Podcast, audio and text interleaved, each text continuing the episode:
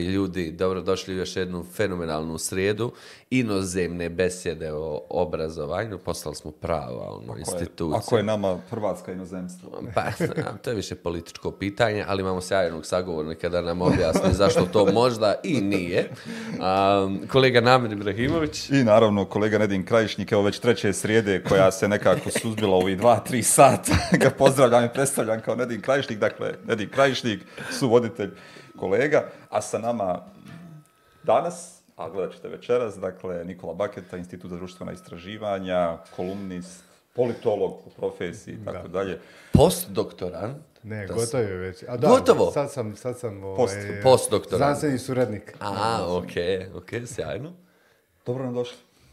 dobro vas našao. Onda ono sad ko je koga ovdje, ovaj, ko, je kom je dobro došao. E, to je. Pa. Kako ste?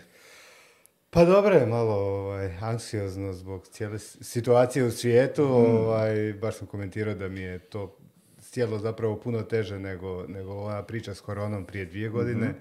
Ono, tad sam se mogao izolirati, ne izlaziti nigdje, nemat kontakta s ljudima pa imat neku kontrolu. mm Sad je to malo teže, pa ovaj... Šta vas čini anksioznim? Šta je, šta je konkretno ono, u, u čitavoj ovoj pa, agresiji? Pa, pa mislim, ta, ta taj izostanak kontrole, valjda, ono, mm. nije to tako daleko kao što možda neki ljudi misle, ono, pesatinjak, koliko, 600 km od granice Hrvatske do, do mm. prve ukrajinske, mislim, je, to je iskustvo rata koje smo, koje smo mm. imali ovdje, pa i ja isto tako, ovaj, s obzirom da sam inače iz Vukovara, onda me to malo ovaj, ovaj, čini anksioznim.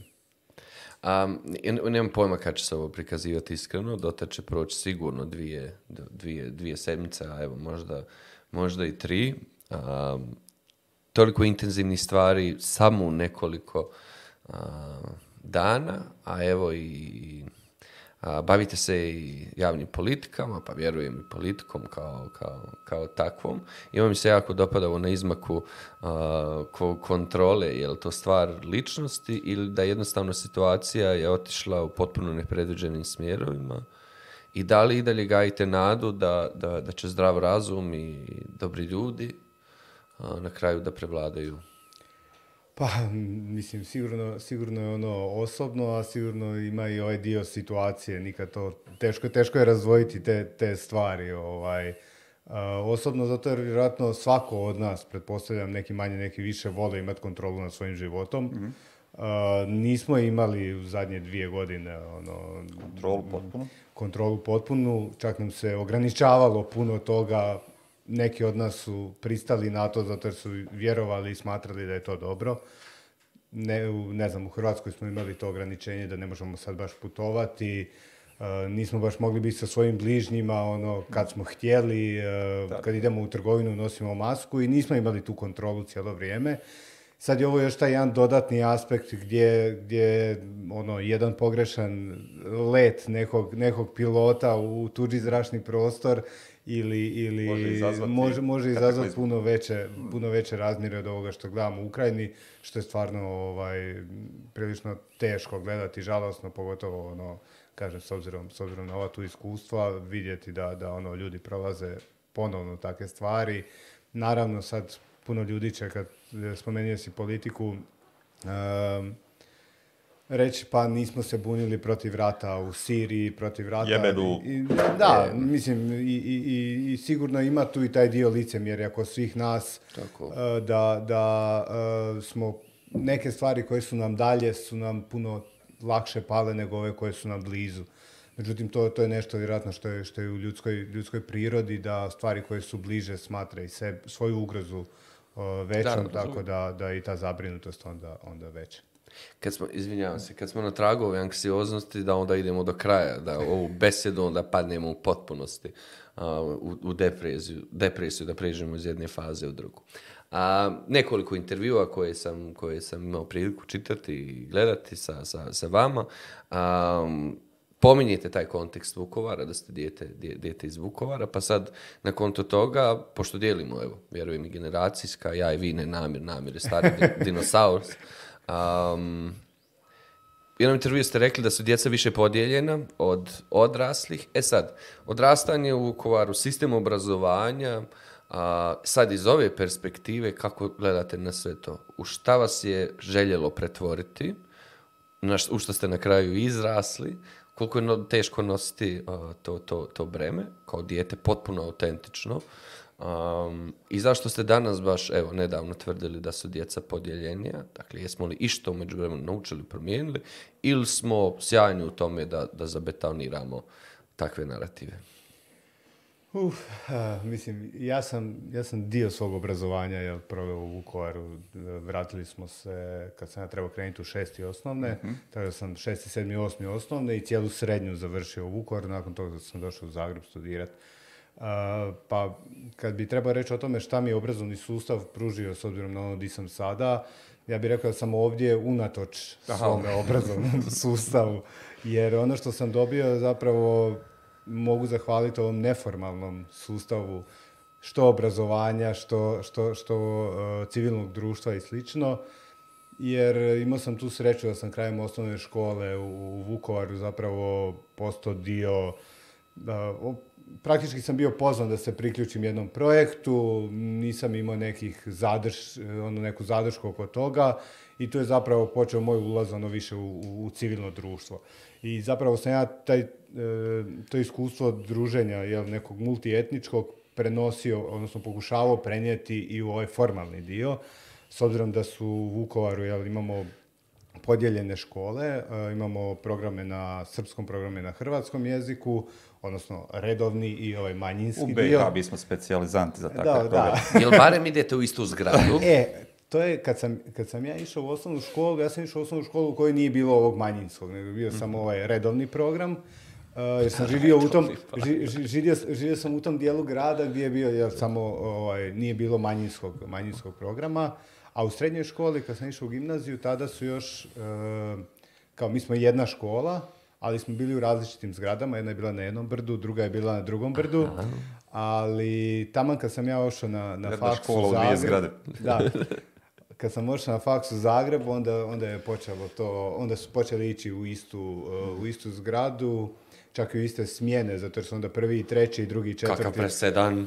Teški, teški presedani. Ovaj. Eh, tako da ja nisam imao to, to iskustvo ajmo reći, zajedničkog školovanja ili mogućnosti da možda nekim svojim nastavnicima, odnosno profesorima u, u srednjoj školi e, dižem tlak e, mm. sa, sa druženjima, zato jer znam da su mnogi, odnosno mnogi, neki od toga zazirali ovaj, i onda smo mi to radili na način da smo tražili našeg profesora tjelesnog da mi zajedno nastupamo na sportskim natjecanjima. Mm jer e, tada smo primijetili da poznavali smo dečke iz e, ono smjene koja je išla po srpskome i e, rekli smo mi bi u odbojci na primjer puno bolje prolazili kad bi zajedno ovaj, pa, igrali i onda smo počeli tako tako da bili smo tad koliko ja znam prva škola koja je to, to počela inače se znalo ono u osnovnoj školi dogoditi da jedna škola ima dva tima jedan je hrvatski jedan je srpski pa se natječu na tipa općinskom natjecanju jedni pa, pa ko bude bolje pa predstavlja Vukovar. Ali moraju biti u različitim skupinama ovaj, ovaj, kad, se, kad se počinje natjecanje. Ja, koliko sad opet sa ove, sa ove tačke gledišta zapravo je obrazovni sistem u, od 90-ih pa na ovamo zapravo uticao da se kreira društvo unutar Vukovara tako kako jeste, a koliko zapravo samo preuze ono što se unutar društva događalo, uzrokovano naravno ratom i, i, stradanje Vukovara. Dakle, koje je to, ono, je li to jednako, je li svjesno? Pa mislim, to je bilo svjesni dogovor mm. Erdutskim sporazumom da se, da se ide u tom smjeru, da se osigura školovanje nacionalnih manjina i, i, i, i e, da se omogući srpskoj nacionalnoj manjini. Mislim, to nije nešto što postoji samo u Vukovaru, Hrvatskoj, postoji i u, I u drugim mjestima. Da, ali postoji u Daruvaru za češku nacionalnu manjinu, pa u Istri za talijansku, za mađarsku i slično. Međutim, stvar je u tome... No, e, S njima nemamo recentnih problema. A je, Ovaj, e, ma ne, stvar u tome, može biti takav sustav, stvar u tome koliko vi radite onda unutar škole, da ponudite neke zajedničke aktivnosti, mm. da, se da se ti učenici nešto rade zajedno, da se upoznaju zajedno, da rade nešto možda za svoju zajednicu, jer e, škola je jedino mjesto u kojoj su koja obuhvaća zapravo cijele generacije. Mislim, kod nas je ono pohađanje osnovne škole obavezno, svi moraju biti tamo. Pa na kraju krajeva i u srednje škole nam se upisuje 90 i ne znam, 7-8 e, posto, posto učenika, tako da to su mjesta gdje bi, gdje bi se moglo sustavno raditi na nekom ono, na nekoj integraciji, e, pomirenju i slično. Međutim, takvi programi su uglavnom bili prepušteni onda civilnom društvu, udrugama koje onda... Eventualno pojedinim profesorima. Pojedinim profesorima koji imaju volje živaca nosice se sa svojim kolegama, sa roditeljima, sa učenicima i ali onda se to svede i na to da, da to pohađaju ili, ili e, takvim stvarima prisustuju oni koji su otvoreni već za to. Ne radi se s onima da, da, da. s koji, imaju da, čvrste ideološke stavove da, ne, da, to je ono preaching to the choir. Pa da, nema, nema onda tu sad koliko možete obuhvatiti tako. I onda, a civilno društvo s druge strane ima opet tu ograničeni doseg, financiranje, Uh, mislim, u Manje vremena koje može provesti... Provesti, da, jasno. onda nije, nije dostupno učenicima koji možda putuju, nego je uglavnom onima koji su u gradu, tako da postoji tu dosta onda prepreka s kojima se, s kojima se tu, tu nosi, tako da, da, da odgovorim sada pitanje. Uh, da, školski sistem je pratio ono što je politika, politika zacrtala, međutim problem je možda što što nije unutar toga što je zacrtano probo proširiti na neke stvari koje, koje e, su mu omogućene. Mm. Tako da zapravo, mislim, treba opet shvatiti da su ti svi profesori opet neki ljudi sa nekim svojim ono, stavovima, uvjerenjima. I žive u zajednici koja vrlo jasno sortira. Tako da, da, ja, razumijem. Mene pored politike više plaši, ok, od politike očekujem da će da da upregne sve svoje alate u indoktrinaciju. Osvaja mandat na osnovu toga. Tako, ali me više plaši ovaj koncept, ovo što, što pristujem i u Bosni i Hercegovini, da stvarni problem sa, sa tim imaju i nastavnici, i djeca, i roditelji. Možda ponajmanje djeca, jer ona su sad predmet različiti podražaja. Ili život u Vukovaru gle, ja, ja u Vukovaru aktivno ne živim. neko vrijeme. već neko vrijeme, to već neko duže vrijeme. I onda Jel mi je... bijeg ili... Pa jednostavno e, mislim da se sa svojom pozadinom i sa nekim prilikama koje sam ovdje dobio ne bi mogao to isto ostvariti i tamo. Ovaj, tako da Mislim, mnogi ljudi su otišli iz različitih razloga, neki iz toga što nisu se više tamo vidjeli, neki iz ekonomskih, političkih i tako dalje. Meni se, mislim, nakon što sam završio ovdje studij, pa zatim u Budimpešti, master, ovdje mi se otvorila prilika da budem doktorant na međunarodnom projektu. Isto je slijedilo i, i, i, i kasnije zapošljavanje, tako da, da teško da bi te prilike tamo, tamo mm. ostvario. S druge strane, Eh, mislim, to je jedna posebna tema, način stipendiranja uopće učenika i studenata u, lokalnim zajednicama. Ja kad sam završio svojih pet godina, kad sam bio diplomirani politolog, trebao sam dostaviti svoju diplomu u grad Vukovar jer sam dobivao njihovu stipendiju. Njihova obveza je bila da mi u roku tri mjeseca, ako mogu, pronađu posao. Ja nikad nisam dobio nikakvu ponudu, nikakvu ono, ponudu i ja sam bio slobodan onda dalje sam tražiti ovaj, svoje, svoje zapošljenje. Je bilo yes? Tri mjeseca, nemoj, nemoj, nemoj. pa mislim, s jedne strane, ono, vjerojatno, vjerojatno bi zapeo u nekoj, ono, gradskoj upravi ili tako nešto gdje bi preslagivo papire. Već vas zamišljam. Referenca, neka pitanja. tako da, da, s jedne strane, mislim, kad se pogleda i sad ovaj zadnji popis ništa vidi se da je jako puno ljudi otišlo, pogotovo mladih, tako da... Nisam, nisam svakako iznimka. Koliko je? 40.000. I dođe smo do... Broj, ono, broj odlaska, 40.000 ukupno u ne, tom nekom da popisu razmaka, tako? Jako puno, jako. Da, sad mi da mislim da je, da, je ta, da je to cifra. Ali mislim sad smo prvi puta pali ispod, znači cijela Hrvatska ispod 16% udjela mladih ovih od 15 do, do, do 29 godina. Da, da, da. To Šta su... to znači? Pa, to znači da, da, da, da, smo sve starije društvo, da nam oni mladi, pogotovo oni kompetentni, odlaze. Mislim, to se pokazalo u nizu istraživanja koje smo, koje smo radili na institutu, da zapravo ti mladi imaju veliku želju za, za odlaskom, da su to uglavnom oni koji su bolje obrazovani, odnosno to su gimnazijalci, pa onda unutar gimnazijalaca to su oni koji su prirodno, prirodoslovno matematička gimnazija, to je Borisovo jedno, jedno veliko istraživanje. tako da, da odlaze nam oni koji bi trebali biti nositelji, ono, što intelektualno, što sa, sa, sa dobrim poslovima odlaze van ali problem je i što odlaze i ljudi koji imaju e, strukovne škole, jer teško je naš nekoga da vam e, obavi poslove. Posao, da, različite poslove, tako da s druge strane, naravno, pitanje uvoza radne snage, odakle, koga, nisu baš svi isti, to vidimo mm. i sada. A tražimo bijelce, tražimo Ukrajinci su sad dobro došli, ovaj, dok, ono, s druge strane, e, ovi ljudi koji stoje na granici između tak. Bosne i Hrvatske i nisu toliko. Pa dupli standardi, bože moj. E, spomenuli ste evo istraživanja koji se radi u okviru Instituta za društvena istraživanja. U prvom dijelu ono, ste govorili uopće o ličnom iskustvu koje je vezano za to. Kakva, mislim, puno je bolja u Hrvatskoj, ali evo zanima me, dakle, koje sve podatke mi iz različitih istraživanja samoga društva možemo dobiti? Bilo bi mi drago, ovo sad ne znam koliko ono, ste upućeni u svako naravno istraživanje, puno ih je, ali zapravo šta o hrvatskom obrazovanju govore istraživanja instituta za društvena istraživanja? Pa mi, mi imamo jako puno toga. Mm. Ja sam prvenstveno u Centru za omladinska i rodna istraživanja mm-hmm. i imamo Centar za istraživanje i razvoj obrazovanja. Mm-hmm. Imamo još dva centra, jedan se bavi nejednakostima i tako dalje. Ovaj, mi imamo istraživanja prvenstveno u mom centru o mladima, imamo ispitivanja građanske pismenosti, odnosno mhm. političkog, eh, političke pismenosti iz mnogih istraživanja, ne znam, radio sam i na, i na ovim istraživanjima s Borisom vezano uz, srednje škole i slično, Uh, vidimo baš taj dio oko, oko želje za, i za, gdje zapravo vide svoju budućnost mhm. i koliko su zapravo uh, vide bolju budućnost za sebe nego za Hrvatsku, vide se izvan, izvan Hrvatske i tako dalje. Uh, vidimo, na primjer, uh, taj dio o, o državnoj maturi, koliko zapravo su učenici strukovnih škola zapravo u jednu ruku diskriminirani pri nastavku svog obrazovanja, puno teže im je nastavljati visoko obrazovanje.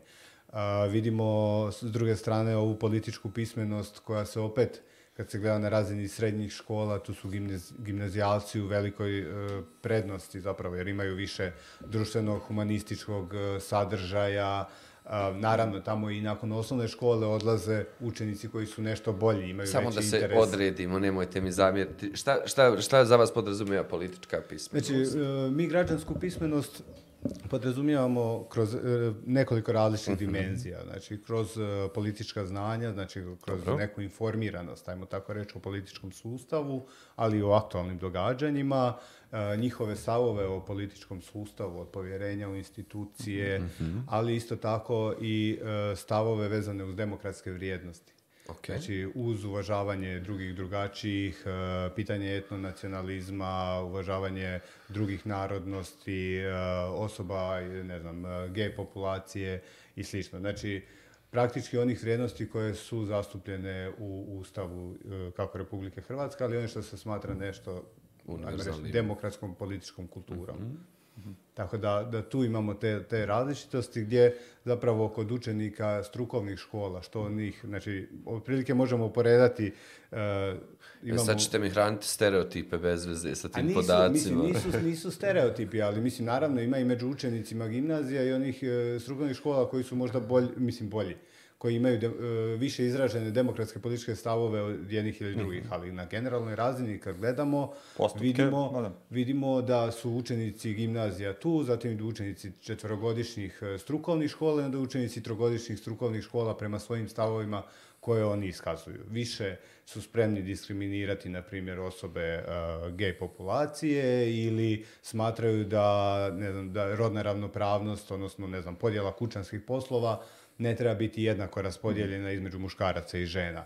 Eh, ne znam, više opravdavaju pozdrav za dom spremni nego učenici gimnazija. Ne znam, učenici gimnazija su možda kritičniji prema nekim događajima Eh, iz eh, hrvatske povijesti nego učenici eh, strukovnih škola. Tako da postoje te određene razlike koje su već sad kroz ono, niz istraživanja se, se. potvrdile. E sad nije pitanje kao da li to postoji, da li sa svima njima treba raditi, nego pitanje zašto se ništa ne radi. Da, da, e, I onda tu dolazimo do toga da zapravo već studenti strukovnih škola nemaju te sadržaje, oni nemaju uh, sociologiju, nemaju, ne znam, psihologiju, uh, imaju nešto politike i gospodarstva, nemaju, uh, imaju manje sati onda povijesti, imaju više svojih strukovnih predmeta i problem je što njih strukovna škola priprema isključivo za tržište rada, ne priprema ih za život kao život građanina u demokratskom društvu. Znači, ne nudi im znanja, vještine da se oni snalaze u ovom demokratskom društvu. E, tu dolazimo, tu dolazimo do problema što stvaramo ljude koji jednostavno uh, nemaju povjerenja u institucije i to nije, nije, nije samo pitanje škole i obrazovnog sustava, nego je pitanje i okoline. Mislim, imamo tu više jel, faktora socijalizacije. Imamo obitelj s koje se počinje, imamo školu, imamo uh, medije, imamo uh, javnost, imamo prijatelje. Međutim, jedino, i to opet se vraćam, gdje možemo sustavno raditi sa, mladima je obrazovanje, zato jer su svi tamo. E, I mi im ne nudimo to. Mi imamo sada od 2019. međupredmetnu temu građanskog odgoja i obrazovanja u, školama. Međutim, pitanje je kako se ona provodi. Mi upravo sad radimo fokus grupe u 12, ne, 9 hrvatskih gradova, gdje želimo zapravo s nastavnicima raspraviti i vidjeti kako oni... Kako je eh, postavljalo to? To me zanima. Ono, kako su oni postavili među predmetne teme od 19. Jesu li stavili na sve predmete? Jesu li ograničili na neke? Na, na, većini predmeta se provodi, onda unutar kurikuluma među predmetne teme se govori sa kojim predmetima se treba to ili se mhm. može povezivati. Naravno, to onda opet ostaje ono na tome koliko nastavnik to želi, može, zna. Mhm jer i tu imamo ono dio problema e, ovaj, raditi, koliko vremena ima i naravno većini nastavnika je primarno njihov, e, njihov predmet da, da, da ispredaju. Da, koje oni imaju kako su učeni. Da, tako da, te, te neke stvari i e, zapravo sad želimo kroz te fokus grupe s nastavnicima vidjeti na koji način oni to provode što bi rekli kako od te 2019. kako se to provodi, da li je to uopće uspješno, da li oni smatraju da to ima nekog efekta, nema efekta. I tu je druga stvar što kad pogledate veliku većinu drugih europskih država, nitko to ne provodi isključivo kroz međupredmetnu provedbu, mm. nego se kombinira kroz vertikalu obrazovanja, znači kroz osnovnu srednju školu, da bude međupredmetna provedba E, kroz, na primjer, cijelu vertikalu, ali onda u pojedinim razredima ide pojačano kroz predmet. Tako da niko ne kaže da treba kroz, od prvog osnovne do, do kraja srednje škole biti građanski odgoj obavezan predmet za sve, Međutim, postoje ono e, dijelovi kad su to, ne znam, šesti, sedmi razred, možda prvi, drugi, da, srednje. Gdje se neki pojmovi trebaju objasniti. Kad se, kad, se, kad se to treba ono snažnije, snažnije odraditi. Tako da, e, tu je, tu je ono ta prilika gdje se, gdje se može raditi. Naravno, mnogi su protiv građanskog odgoja i obrazovanja, jer... Ili tu govorimo i o dijelu nastavničkog kadra? Pa, gledajte... E, jer to mi je bilo sad evo jedno od, od pitanja. Kako, kako uopšte sad... A, postoji... Vjerujem da postoji među nastavnicima sa različitim stavovima, uvjerenjima... Pa ne, to svakako da postoji dio nastavnika i nastavnici nisu jedna homogena skupina o kojoj možemo mhm. govoriti. Oni koji su zainteresirani za građanski odgoj obrazovanje, pohađaju te edukacije, oni naravno podržavaju uvođenje i e, mnogi od njih ga i rade kvalitetno. Naravno, s druge strane ima onih koji bi možda to radili samo zato da su potpune satnicu, a mhm. ima onih koji to ne bi radili uopće jer se kosi možda s njihovim uvjerenjima. E, e, šta tad E šta, šta tad radimo? Tad e, radimo... Evo, došli stručnim... do međupredmetne korelacije. Da, da, ali mislim, to je pitanje stručnog usavršavanja nastavnika. Mislim, ne može se, ne može se ni matematika predavati bez da vi imate redovita stručna usavršavanja, bez da imate inicijalno nastavničko obrazovanje. Mi trenutno smo uveli koliko, šest ili sedam međupredmetnih tema koje bi trebali raditi različiti nastavnici. Većina od njih nije imala to, to u svom inicijalnom nastavničkom obrazovanju pokriveno. Oni se ne osjećaju sigurno, vjerojatno... I to je okej. Okay, da, i to je okej, okay, međutim, teško da i naša agencija može pokriti na redovitoj bazi za sve njih e, stručno usavršavanje. I to onda ulaze opet organizacije civilnog društva s kojima se pokazalo da nastavnici puno bolje surađuju, koji ih puno bolje mhm. educiraju, zato jer su one sve u tim specifičnim područjima imaju određena znanja, alate, metode. Da, s kojima... Razvili su i programe kojima to mogu da urade. Da, i to je između ostalog nešto što, što, što radi ono hrpetina organizacija koje su, na primjer, i u, u ovoj Good inicijativi s kojom eh, ono, radim već, već niz godina. Ehm, tako da, da, da, to je svakako ono gdje treba, gdje treba vidjeti. S druge strane, političko oponiranje, znači od različitih što udruga, što političkih stranaka naravno postoji i tu možemo vidjeti od, ne znam, i, i, i e, ovo recentnije, na primjer, samo 2016. i danas, na koji način se oponira građanskom odgoju i obrazovanju, a to je da ga se, na primjer, 2016. usko vezalo uz zdravstveni odgoj i govorilo o ono, e, rodnoj ideologiji, indoktrinaciji i slično pedofili, ne, znam, ne znam o čemu sve ne. Sada se kad nakon što je ušao kao međupredmetni, sada se govori uglavnom pa imamo međupredmetnu provedbu, ne treba nam to kao predmet. Zato jer većina... Jer su shvatili da se ne mora prebjeriti. pa da, shvatili su da međupredmetno, to dakle, nije obavezno. Pa ne, je, obavezno. Sušinski obavezno, obavezno, dakle, ono, u smislu mora u jednom dijelu svog godine raditi na temama koje su vezane za međupredmetni kurikulum koji ima... Ali, na primjer, evo, uzmemo engleski jezik. Kad se radi, ne znam, e, uglavnom se na, na većini, ono, ne znam, nekom razredu se radi engleski parlament, pa, no, E, onda se tu napiše zabilješka radi ili međupredmetnu temu građanske obrazovanja. Da, tako da i onda na različite načine se to, naravno ja ne kažem da svi nastavnici to rade na takav način, pa mnogi to rade... Ovdje, ovdje ono što je još vrlo važno, dakle, škole bi trebalo organizirati drugačije, dakle, škola kao institucija bi trebala biti primjer pa to je, to je, to je još onaj korak dalje, a to je mm. ta demokratizacija škola, gdje onda uh, radili smo sa Forumom za slobodu odgoja prije koju godinu, to je jedna od mm. udruga tu koja dosta radi s nastavnicima. E, pričali smo s učenicima zapravo o njihovim ono, iskusima u školi, slično baš po tom pitanju, a to je da se njih pita za mišljenje, Međutim, tu sve stane. Kao mi kažemo, iskažemo svoje potrebe, iskažemo svoje mišljenje. Čak ne dobijemo povratnu informaciju da nam neko kaže to ne može iz tog i tog razloga, idemo vidjeti šta može. Nego ne dobiju ni to. Tako da, da postoje ti različiti problemi da, da učenici jednostavno nemaju taj sej nemaju, nemaju glas u, u školi i njih se zapravo uči da budu poslušni i to je ta... I onda ta... tako među predmetne ali ti predmeta koji može popraviti tu sliku koju dijete, ono, kad uđe u obrazovni sistem, ima, ali, Ali su škole i dalje postavljene kao ono, eh, isključivo hjerarhijske i autoritativne institucije, onda unutar kojih eh, oni prolaze kroz to i postoji neki autoritet nasuprot njih. Znaju djeca šta smiju reći, šta ne smiju, kome smiju reći, kome ne smiju. Ali mislim, sad sam baš, baš čitao niz, niz istraživanja rađenih u, u Americi. Ehm, autor, eh, oni se bave uglavnom s time koliko zapravo ideološke pozicije nastavnika utječu, Aha, su povezane zapravo s metodama koje oni primjenjuju.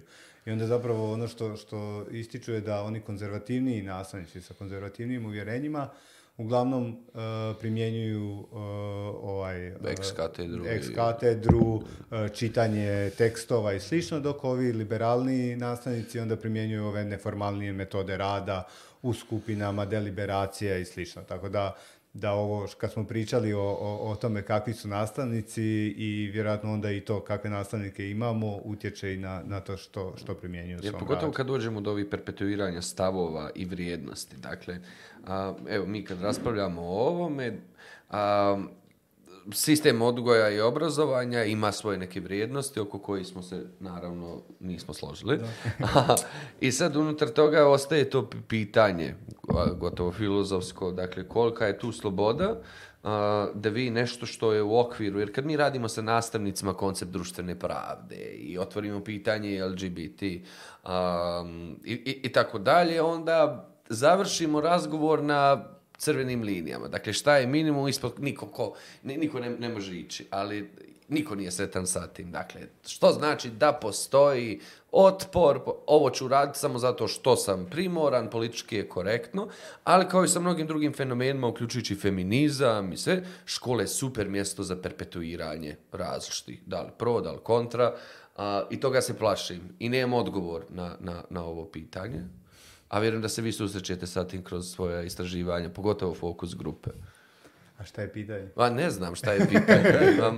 evo, kad bi mogao od svega ovoga, kako je onda hrvatsko društvo ili ovo barem mladež koju, koju vi istražujete? Šta te, šta, šta te najviše onako plaši u svemu tome i šta ti daje neku, neki pa, koncept nade? Nadu, nadu mi daje to što se pokazalo ovim našim istraživanjima koje mi radimo uz tu, znači mi radimo ta istraživanja političke pismenosti, odnosno građanske kompetencije, e, svakih pet godina i sad ovo je bilo to treće, znači radili smo 2016. sad smo radili 2021. ok, 2015. ali nismo, trebali smo raditi prošle godine pa da, pa smo zbog korone. zašto da. niste.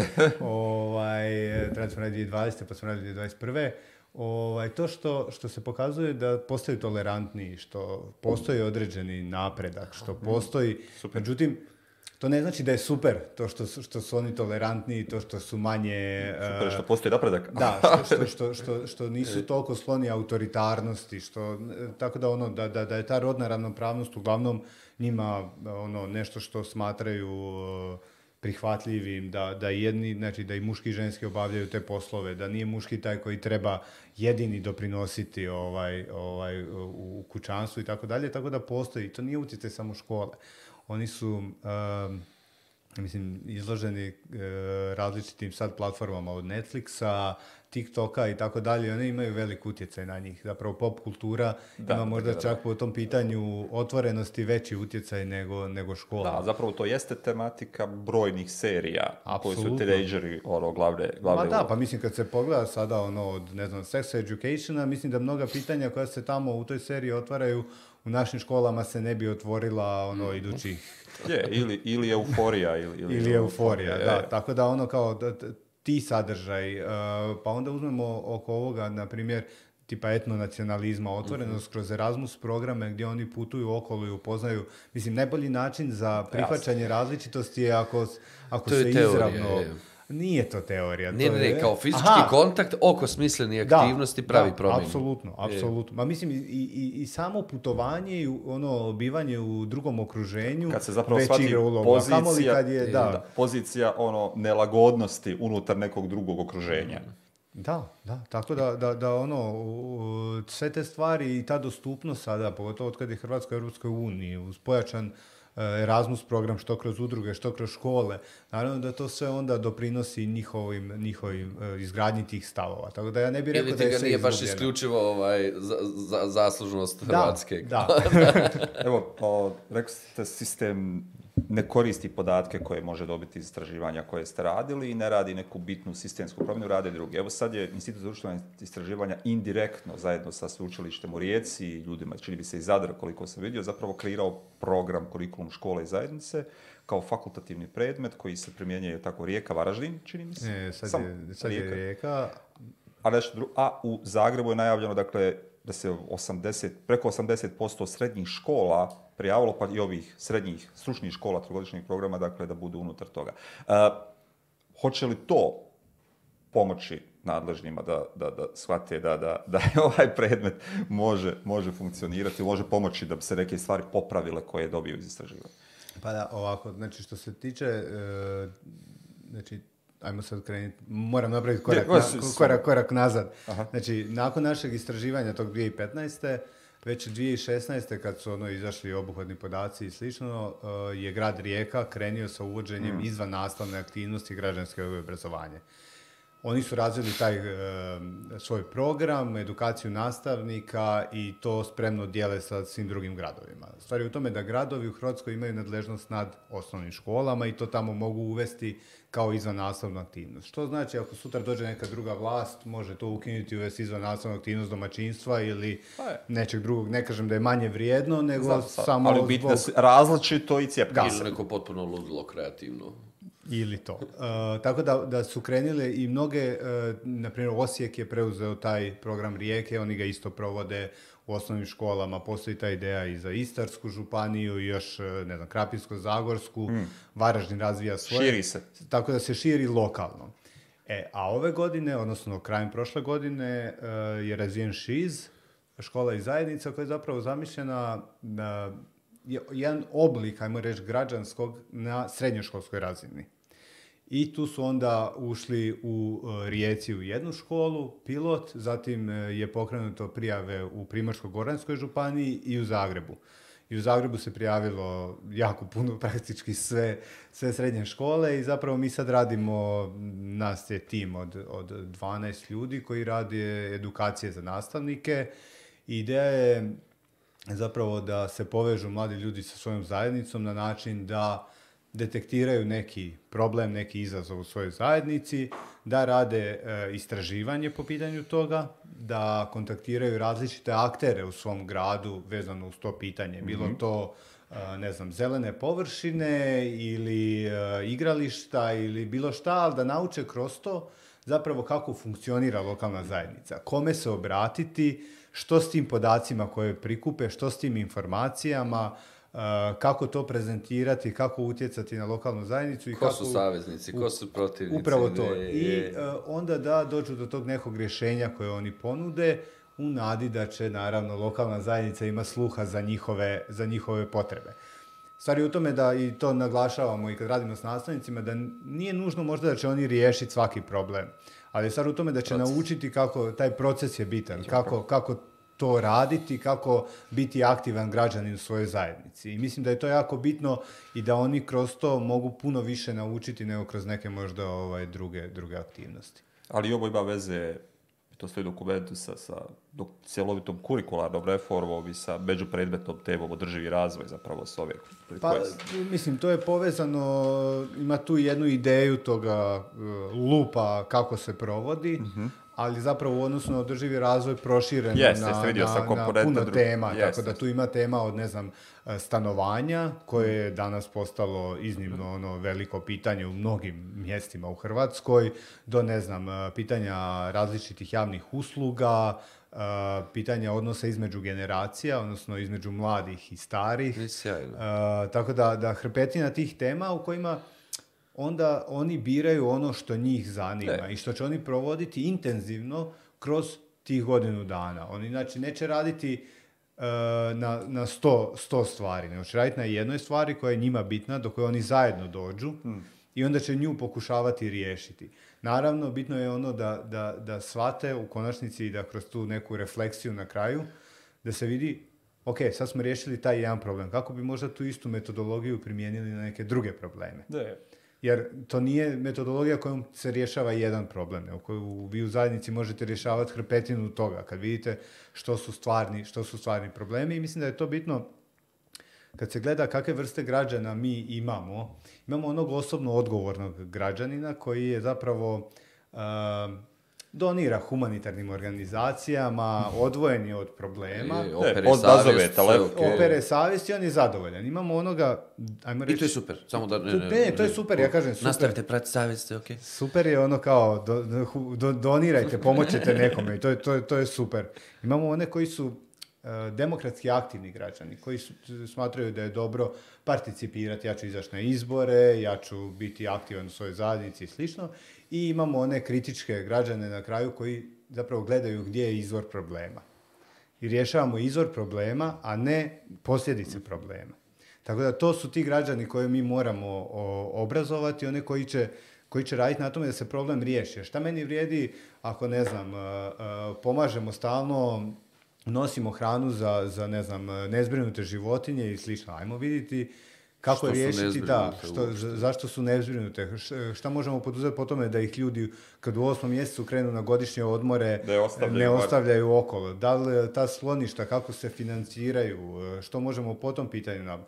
Tako da ono, posto, da, da, da gledaju kako riješiti taj problem u zajednici, a ne kako sanirati neke neke Ono, za gledatelje, dakle, u tri su dobere, nisu oblasti, ono, dobro, dobrobit, povezanost i djelovanje, dakle, postavljen je kompletan okvir i to je zapravo ovo o čemu ste sve govorili, je to. Da. Dakle, šta je dobrobit zajednicu, kako to zajedno da riješimo i kako da djelujemo, da, se to zapravo, da se to zapravo riješi. To e. znači da nismo bili povezani, da smo izgubili moment solidarnosti, pa, zajednice kao ideje. Ha, mislim, e, e, u Hrvatskoj to, ajmo reći, jer radim na jednom drugom projektu koji je vezan uz um, kao ponovnu izgradnju društva nakon korona ovaj, krize i to radim sa eh, profesoricom Čorkalu Biruški koja je na Filozofskom fakultetu tu u Zagrebu.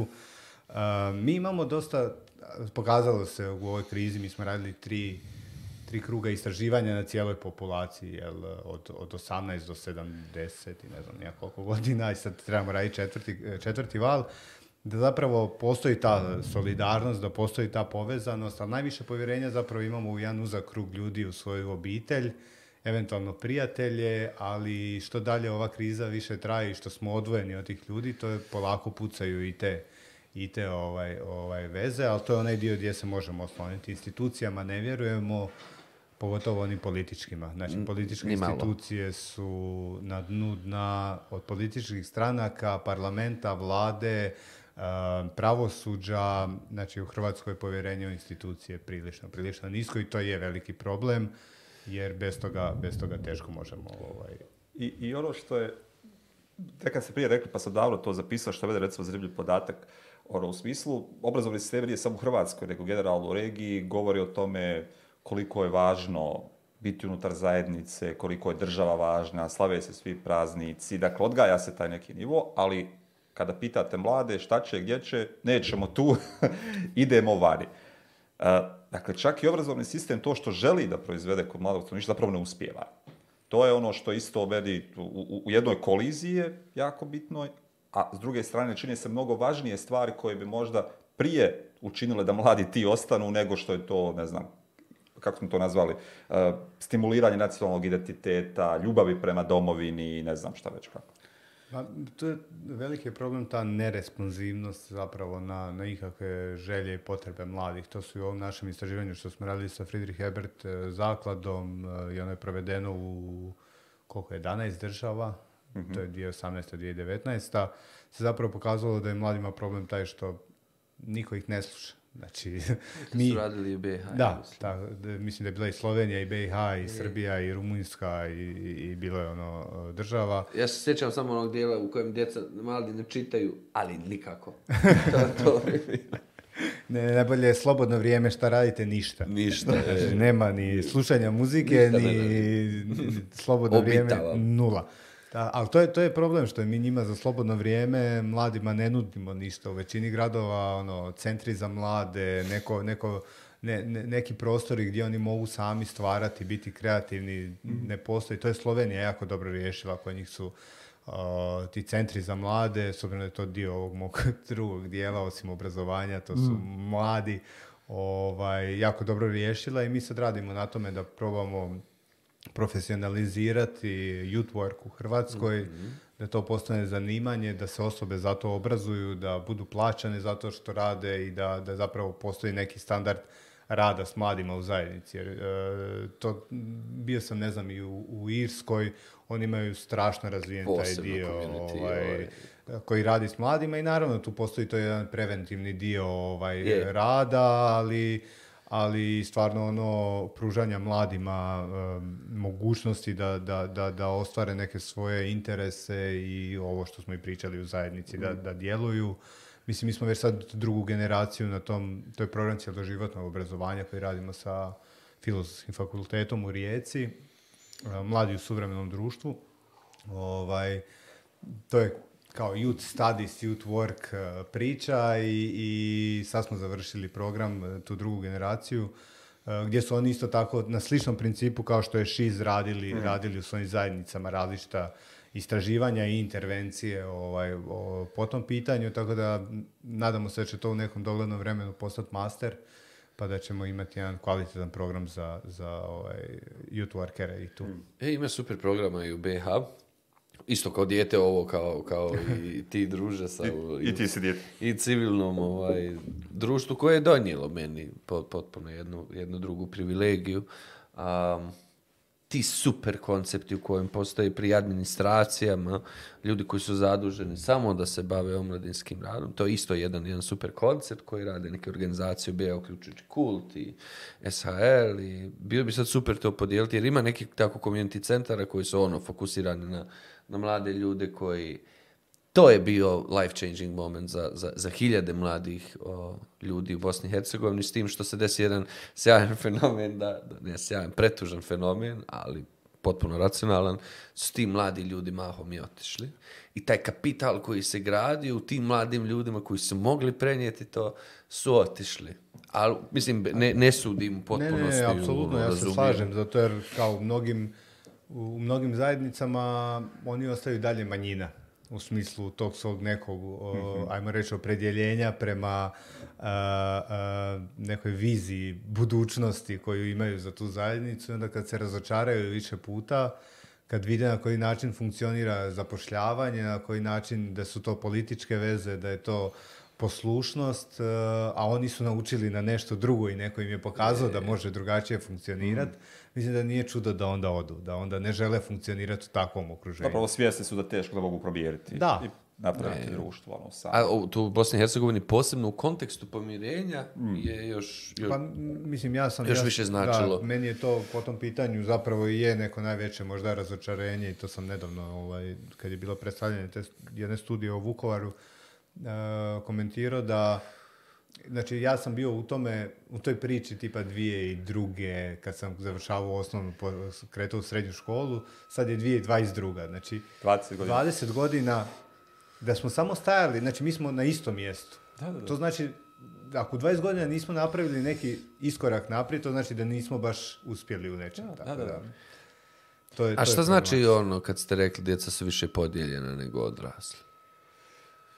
Pa, mislim, odrasli su Eh, imali tu neku eh, iskustvo zajedničkog života, jedan nije za mnoge dobro, dobro završilo, da se razumijemo, eh, ali mislim da ove nove generacije nemaju ni to iskustvo i onda već, već tu su ono, u potpunosti od malena odrastaju odvojeni, a zapravo žive jedni pored drugog. Ovaj, odvojeni su na način da jedni idu u jedne škole, drugi u druge, idu u vrtiće na kraju krajeva. neki studiraju, na primjer, u Osijeku, Zagrebu, drugi u Novom Sadu, Beogradu. Tek eventualno ako se odluče vratiti, onda žive nakon 25 godina jedni pored drugih, a da, da se zapravo ne znaju. Njihovi roditelji rade zajedno, oni se eh, upoznaju, moraju, moraju biti na, na, na poslu zajedno, nekako funkcioniraju.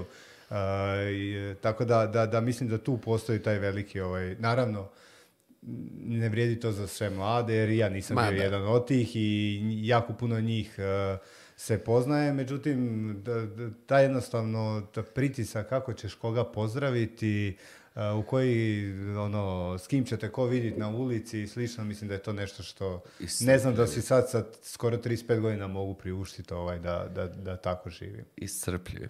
Da se možda vratimo na ovaj koncept istraživanja.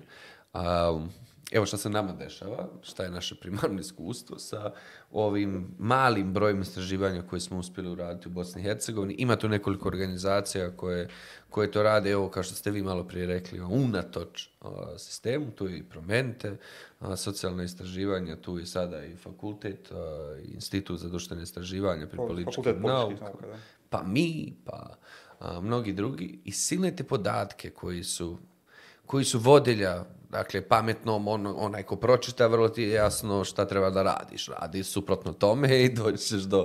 Mislim, nije, nije crno-bijelo, ali ok, karikiram. ti se podaci ne koriste. do toga da, da kad smo imali prezentacije nekih velikih koji nismo mi radili komparativni istraživanja po PISA i TIMSA, oficijalni autoriteti izgovaraju, pa mi to znamo. O, da li vi ovdje imate drugačiju priču? Da li vaša istraživanja doista dođu do, do, do autoriteta koji to koriste za unapređenje, pa bilo koje sad sfere, ne nužno obrazovanje? pa neka dođu. Tipa baš ovo veliko istraživanje što je, što je Boris imao je, je bilo predstavljeno i bilo je bitno na početku Eh, ove školske godine vezano uz koronu i, i potrebu da se zapravo škole ostanu što duže otvorene i da one, da one zapravo budu zadnja ono linija obrane koja bi se trebala zatvarati jer nakon toliko dugo ne, mi smo još taman prije korone imali veliki štrajk nastavnika, tako da zapravo to je izgubljeno već dosta, dosta, dosta vremena u školi i to nije pitanje samo znanja nego i jel, socijalizacije djece u čemu je stvar? Stvar je u tome da mi sad vidimo da, da imamo jako puno podataka, na primjer ova pandemija je pokazala da imamo jako puno podataka koji imaju jako ozbiljne posljedice po živote ljudi, pa onda mnoge vlasti nisu to slušale. Znači nisu slušale o tome što sa, ne znam, zatvaranjima, otvaranjima, cijepivima, znači govorim sad o ovim prirodoznanstvenim istraživanjima, ali da, dijelom i, i društvenima, pa nisu to slušali, nego je bila bitna jednu ruku politička, u drugu ekonomska priča. Ja razumijem, političari moraju donositi odluke koje onda ovaj, uzimaju u obzir. Međutim, ni tu niste imali uključene ljude, znači u onom savjetu znanstvenom vlade Republike mhm. Hrvatske, nije bio uključen niko iz društveno-humanističkog područja.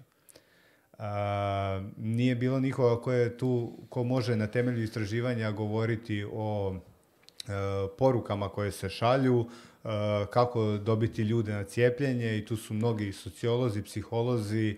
I eh, to ima usku vezu sa povjerenjem u institucije. To ima usku vezu. Eh, što se tiče naših ovih istraživanja, mislim, neki nas slušaju, vidjeli smo da neke lokalne zajednice uzimaju to u obzir i stalo im je da, da na primjer, građansko obrazovanje bude dostupan, dostupan učenicima to je mali broj, mi imamo jako puno, ko što i vi imate ovih lokalnih zajednica. Don't go there. ali bar nemamo toliko ministarstava obrazovanja, ali dobro. To ovaj. nema niko. Da, ali mislim imamo 500 i koliko, 25 eh, jedinica lokalne samouprave, znači to su općine, gradovi koji imaju osnovne škole, eh, gradovi mm. imaju srednje. Eh, tako da, Eh, to je jedan manji broj, ali očigledno neki prepoznaju to. Sad opet možemo ulaziti u njihove razloge, možda su nečiji to isto politički razlozi mm. zašto bi neko htio eh, da ima to, jer će, ne znam, prepoznaje da je njegovo biračko tijelo možda nešto otvorenije, progresivnije, liberalnije, pa im želi to ponuditi i reći, evo vidite kako ja brinem za vas. Tako da, eh, da sigurno i tu ima neka, neka stvar. Međutim, Uh, mislim da se, da se ne uzimaju u onoj mjeri u kojoj bi naravno mi htjeli, što onda dovodi do naše ovaj, nekad, nekad onog pitanja zašto ja se ovo radim, za koga, šta, meni je, šta, šta, meni ovo treba i, uh, nekad je ono, ma mislim to su vjerojatno sve te neke male egzistencijalne krize, naći smisao u tom svemu, ono, mm. šta ću sad napisati, ovaj rad, ko će to čitati, jel to ikoga zanima, i tako dalje, tako da to... Treba su... u vremena pričamo, nemojte tako. Život ima smisla. uh, nismo se dotekli puno vaše temeljne struke, dakle, politike i onoga što ima veze s našim naslovom i obrazovanju. Dakle, koje je mjesto politike u obrazovanju? Kako se to političko kako političko može biti dio obrazovanja, a da ne bude politizacija obrazovanja ili da ne bude trivializacija politike obrazovanja? Pa to je, mislim, kroz građansko obrazovanje, jer mislim tu je jedna distinkcija između onog uskog političkog obrazovanja i građanskog. A političko obrazovanje je ono koje Eh, se zadržava samo u tome da vas naučimo koje su institucije, kako funkcionira izborni sustav i to je to. Građansko ide malo šire od toga. Mhm. Građansko uključuje i te odnose u zajednici i tako dalje. Tako da, da tu, tu, tu, je ta neka, neka ta priča.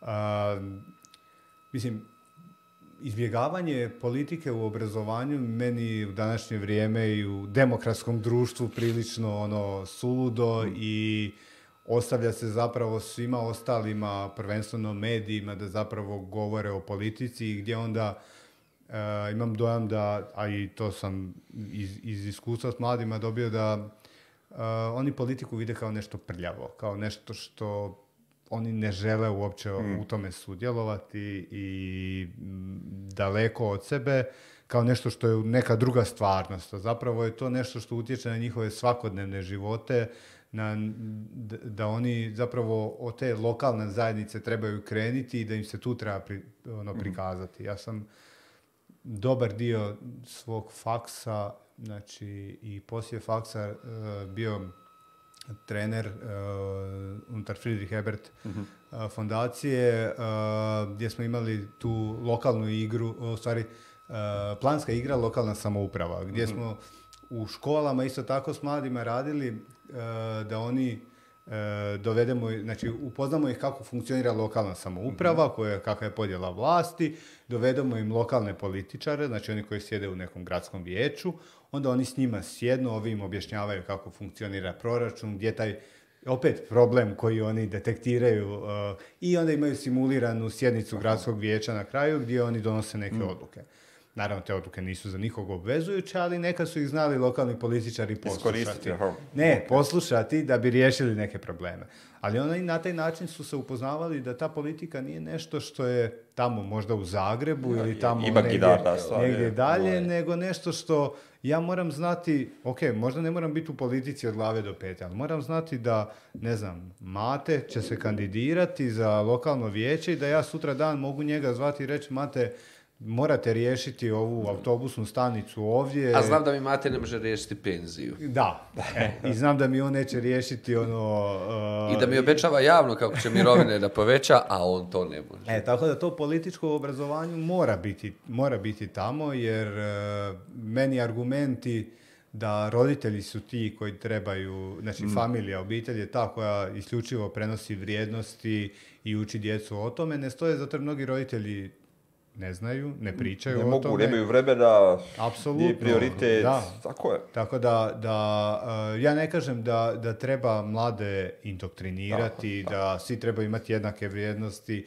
Na koncu, da svi pohađaju građansko obrazovanje 12 godina i kao što pohađaju, na primjer, matematiku, i nakon 12 godina ne budu svi bi vrstni, matematičari. Ali bi u pravilu nismo, smo nekad imali, ono, nedavno smo imali taj dio, bismo krenuli s analizom, kad kažemo, dogovorimo se šta bi zapravo svaki od nastavnih predmeta trebao donijeti u konačnici. I onda smo krenuli, dakle, materni jezik, da nas nauči da čitamo, da nas nauči pismenosti. Dakle, mi, ono, znamo čitati ili smo pismeni ono kad završimo. O biologiji, da nas nauči odnos prema ono, sredini živim bićima, jel imamo tu vrstu odnosa kod većine stanovništva? Nemamo. I sad možete krenuti u bilo koji. Dakle, sve ono, moja teza je da sve što se želi obespredmetiti, opredmeti se u nastavi.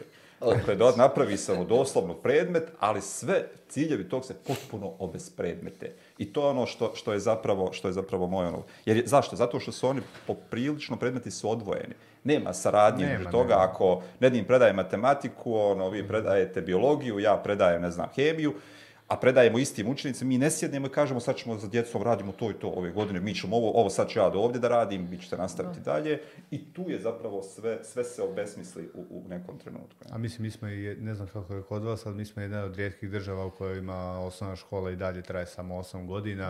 Devet je u BiH, ali nikakva prednost u odnosu na osam Hrvatske. Tako to, da traje 3. dakle, to je, to je sad ono što je, jer nama su jedinog PISA istraživanje u kojem smo učestvovali 2018. zapravo je pokazalo da imamo sredine unutar Bosne i Hercegovine u kojima bi rezultati makar bili isti da djeca nisu imala dana škole. Dakle, to je toliko nizak prag. Da. A dakle, dakle, Osnovna škola, osnovna škola, dakle, nije dovela nivoa da djete i bez škole, nakon da je hodalo. Ne Dakle, potpuno, potpuno bi ovaj, barem u okviru funkcionalnog znanja bi to radilo. Da. Da, tako da kažem, to je što se tiče te, mislim ja sam, ono, mene zanimale prilično ove javne politike mm. unutar politologije, tako da mm. se s tim ovaj, dosta, dosta bavim. Pa od, ne znam, radio sam, doktorat mi je bio na temu javnih politika, ali u mm. visokom obrazovanju, tako da ovaj, u, tom, u tom području se onako dosta, dosta vidim, tako da nije ova samo politizacija obrazovanja. Hvala puno, Nikola. imamo ovaj... Imamo zadnji običaj. e. običaj da kraju u trećoj sezoni svakog gosta, svakog gošu pitamo isto pitanje. Uh, Nedim ja hoćemo da čitamo knjige i tražimo od gostiju da nam preporuče dvije za čitanje. I uvijek kažu gosti najteže pitanje za kraj. Kaže, a mogu li ja tri? Ne može dvije. Ovo je pitanje najnižih. Uh, a ja Uglavnom čitam mm. nešto što je na razmeđi e, stručnog i... Fine. Uh, Miller-Idris, e, far-right youth, e, uglavnom u Njemačkoj se bavi sa... na koji način odjevanje mladih zapravo vodi mainstreamingu radikalnoga. Mm. Na koji način se okay. mainstreama e, radikalna desnica u Njemačkoj kroz različite jel, Super. E, outfite, i slično. I to mi je bila fantastična knjiga. Drugo, e, šta, šta sam, mislim, najgore što sam 2021. proveo čitajući jako puno o, o ekstremnoj desnici i, i, i nacizmu. I ništa nije za preporuku. Da. I sam sam desno. Sam ništa, ništa nije desno, sad čitam o Putinu jer mi je to jedini način da racionaliziram. Sreća desničar. Da racionaliziram ovo sve, tako da... A, sigurno ovo, a drugu knjigu, ne znam, nešto lagano mogu preporučiti. Nemo ništa lagano. Da, što god. Visoka očekivanja i od voditelja ovih. Ah, Znači. Ima neka Putinu zabavna. Što da ne? Zabavna sigurno nije ovaj... Uh, da, ne znam, nema, ako ne, nema, ne, znam, ne, znam, ne, ne, sve okej. Okay. Manje ćemo mi da čitamo. Jedna manje u čitavoj sezoni. to... Nikola, hvala puno. Nadam se da je bilo ugodno. Je, je. Osim ovog zadnjeg da sam znao, uzabi bi si ona dva naslova točno, ali ovako možemo ono, naknadno pa ćemo dopisati, ono, na kraju bude druga knjiga. Evo umjesto knjige istraživanje neko. Može. Evo ovo naše. Dobro. Ide sad ovo pitanje kako mislite naše. Što na... Hrvatsko, moje drugo. Čitamo, malo smo vam, pokušali smo sa institutom, odnosno pokušali smo u Bosni i Hercegovini da uradimo, ne iz vaše ove sekcije pri institutu, da uradimo istovjetno istraživanje procjene online nastave, ali nažalost sve adrese koje smo se obratili, to je onako poprilično skupo, u stvari čak i nije toliko skupo koliko je vrijedno, ali do sad nismo uspjeli da obezbedimo, tako da... Um, ali ja mislim da u nekom kontekstu onaj ko želi da razumije i shvati šta treba sad raditi u boskohercegovačkim sistemima obrazovanja uh, može komotno da pročita istraživanje koje je rađeno u Hrvatskoj uz neke blage nivelacije da, da ono neke, neke opšte ideje zaista uzme i za mm. ništa to nije vele drugačije. Hvala još jednom. Hvala, Hvala Nikola. na Doviđenja do naredne srijede. Bok.